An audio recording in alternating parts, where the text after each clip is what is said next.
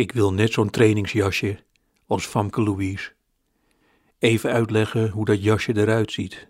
Anders hebt u, 83-jarige luisteraar, geen idee waar ik het over heb. Het is een jasje van Adidas, maar dan voor wegwerkers.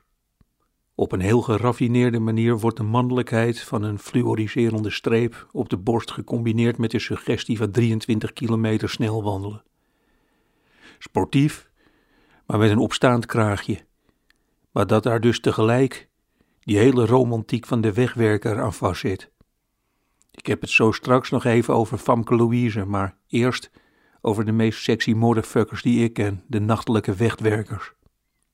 Zo gaat het. Je rijdt naar huis.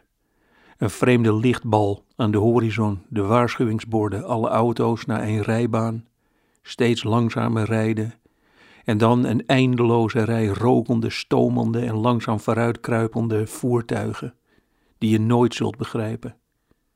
De mensen liggen thuis te slapen, maar jij zit opeens midden in een film van Steven Spielberg. Een explosie van licht omringd door auto's met wielen zo groot als het stadsplein van Putten.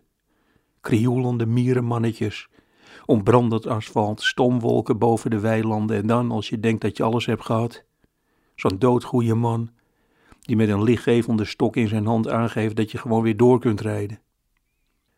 Zo'n jasje wil ik dus, zoals die man, maar dan een die Famke Louise aan heeft, dus geen oliejek van 19 kilo. Ik weet niet of hij hem nog steeds draagt, maar Peter de Bos, de zanger van Clawboys Claw, die liep er jarenlang mee door Amsterdam. Dat was een prettig soort surrealisme, Peter, die in een lichtgevende plastic gemeentejas vlak naast je een maaltijdsalade bestelde. Maar goed, Famke Louise. Ik ben zo bang dat als Famke dit leest, ze ook bij mij langs wil komen. Ze is bij arts Diederik Gommers op visite geweest, maar ik weet helemaal niet hoe dat moet met een influencer praten. Dat wordt allemaal heel erg ongemakkelijk. Ik bij mijn koffiemachine en dan, zonder haar aan te kijken, influence je nou veel op zo'n dag? Een lang hakkelend verhaal en daarna ook vragen van haar moeten beantwoorden. Tja, waarom ik niks aan mijn kaalheid laat doen, daar heb ik eigenlijk nog nooit over nagedacht. Heb jij nog tips? En daarna drie kwartier moeten luisteren naar een verhaal over een influenzende haarchirurg in Pakistan. Ik wil niet dat zij denkt dat het mij alleen om dat jasje gaat.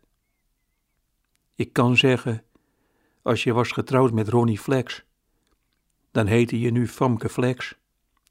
Leuk jasje trouwens, waar kan je dat kopen?